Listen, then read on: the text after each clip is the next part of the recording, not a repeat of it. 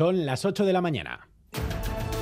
En Radio Euskadi, Boulevard. Con Xavier García Ramsten. Egunon es jueves 5 de enero que amanece de nuevo con heladas y nieblas, sobre todo en el interior, pero con pronóstico de sol y temperaturas agradables para este día de cabalgatas de los Reyes Magos. Melchor, Mel ahora para los amigos, Gaspar y Baltasar ya están en Euskadi.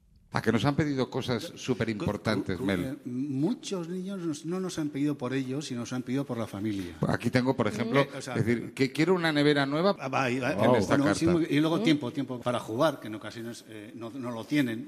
Entonces, bueno, que jueguen con los Aita, con Aitite, y que el tiempo es un regalo excelente. Oye, y la paz me lo han pedido, ¿eh? Venga, a ver si consiguen al menos eso último, que no estaría nada mal. Y atención para quien quiera ver a los Reyes esta tarde. Vamos con el horario de cabalgatas por nuestras capitales. Empezamos en Vitoria-Gasteiz. Sonia Hernando. Llegan en tren a Gasteiz a las 11, por delante muchas tareas. En Villasuso reciben las cartas mañana y tarde y a las 7 comienza la cabalgata que recupera su recorrido habitual por el centro. En Bilbao, Asier Herrero. Este año, con temática fijada en el mundo del circo, el desfile partirá a las 6 de la tarde de la Plaza Sagrado Corazón y tras recorrer la Gran Vía finalizará su recorrido frente al ayuntamiento. En Donostia, Laida Basurto.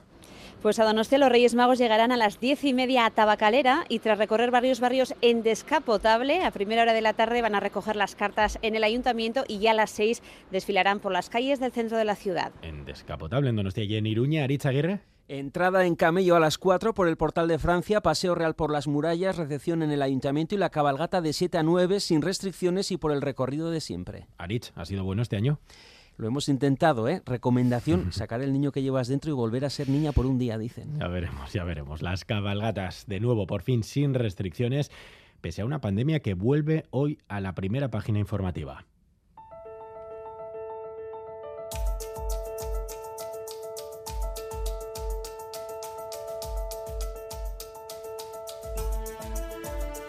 Y es que la Unión Europea está preocupada ante la apertura total de fronteras por parte de China este pasado domingo. El gigante asiático mal vacunado y que sufre una ola de contagios ha pasado del blindaje total a la apertura total. Anoche los 27 se reunieron para tomar medidas que finalmente han quedado en simples recomendaciones. Corresponsal comunitaria Maya Portugal, Egunon. Egunon, la Unión Europea recomienda encarecidamente a sus Estados miembros que exijan un test negativo anti-COVID a los viajeros procedentes de China hecho en las 48 horas previas al embarque. Se habla de recomendaciones firmes y de coordinación en el comunicado emitido tras la reunión del dispositivo de respuesta política integrada a las crisis, pero no de obligatoriedad. Las medidas propuestas incluyen también la realización de test aleatorios en llegada y el testeo y la secuenciación de las aguas residuales en aeropuertos y en aviones procedentes de China. Desde hoy, Francia se suma a Italia y a España y exige ya un test negativo a los viajeros procedentes del gigante asiático. El gobierno chino ha mostrado su enfado por las medidas que está tomando el mundo contra ellos. Dice que son políticas y desproporcionadas. Desproporcionadas, dice el gobierno de Pekín. A estas alturas de la película, en cualquier caso, tiene sentido testar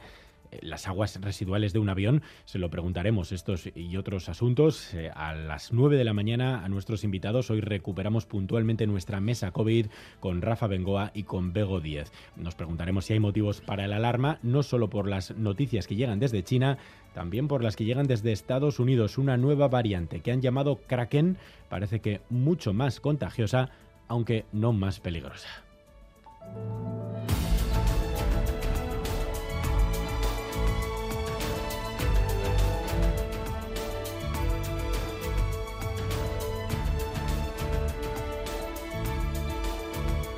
Leire García Egunón. Egunon, en Xavier. Estados Unidos seguimos porque continúa el bloqueo para la elección del presidente de la Cámara de Representantes. Por sexta vez, el republicano Kevin McCarthy recibe críticas del Partido Republicano. Ha perdido las votaciones para optar al cargo en la Cámara. Hoy se va a celebrar un nuevo intento hasta que no haya mayoría. Los congresistas no pueden tomar posesión y la actividad permanece bloqueada. Enseguida vamos a estar además en directo en el Vaticano porque a partir de las nueve y media de la mañana se va a oficiar el funeral por el Papa Benedicto XVI. En la plaza de San Pedro, presidido por el Papa Francisco, Francisco. En las últimas horas, el secretario personal de Ratzinger ha concedido una entrevista en la que constata que existían diferencias entre ambos papas. Ha dicho que le provocó dolor que el Papa Francisco limitase las misas que se celebran en latín. En Madrid, hasta las 12 del mediodía, permanecerá abierta en la sede de UGT la capilla ardiente de Nicolás Redondo Urbieta. Cientos de personas asistieron durante la jornada de ayer. Representantes sindicales y políticos de diferentes formaciones destacaron su contribución. A las doce y media va a tener lugar el sepelio en el cementerio civil de la Almudena en Madrid. Disminuye el consumo de alcohol, tabaco y cannabis, según una encuesta publicada por el Ministerio de Sanidad. Ese informe recoge que el 20% de los vascos se ha emborrachado en alguna ocasión en 2022, aunque el porcentaje era superior en los años anteriores. Se ha reducido el consumo de tabaco. En torno al 28% de la población dice que fuma a diario. Disminuye el número de consumidores habituales de cannabis, un 9,9%. Titulares del deporte Álvaro Fernández Cadierno, Egunon. Egunon con la Real y vez clasificados para los octavos de la Copa del Rey. Los Dimanol ganaban en Logroño por 0 a 1, los vitorianos al Valladolid por 1 a 0. Hoy juegan el Atlético en el campo del Edense y el Osasuna frente al Nastic allí en Cataluña. Además, en baloncesto, Euroliga tenemos Berlín-Basconia. Anoche en la Eurocup, victoria por la mínima para lo Guernica y derrota en ACB de Bilbao Basket Málaga. Boulevard. El tiempo. Euskalmet, Jaione Munarriz, Egunon.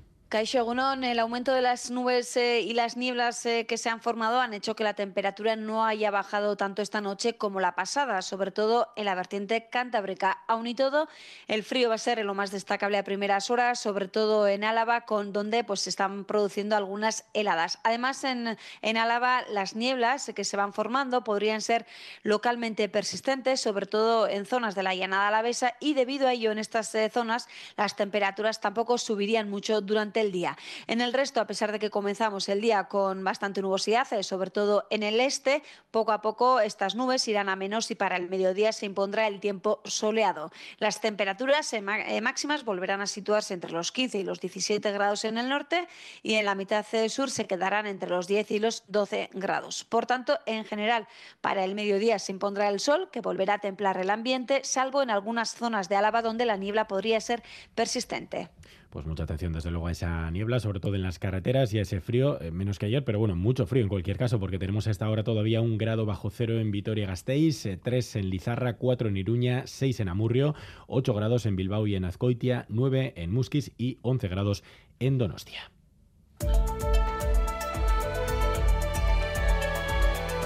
Boulevard. Tráfico.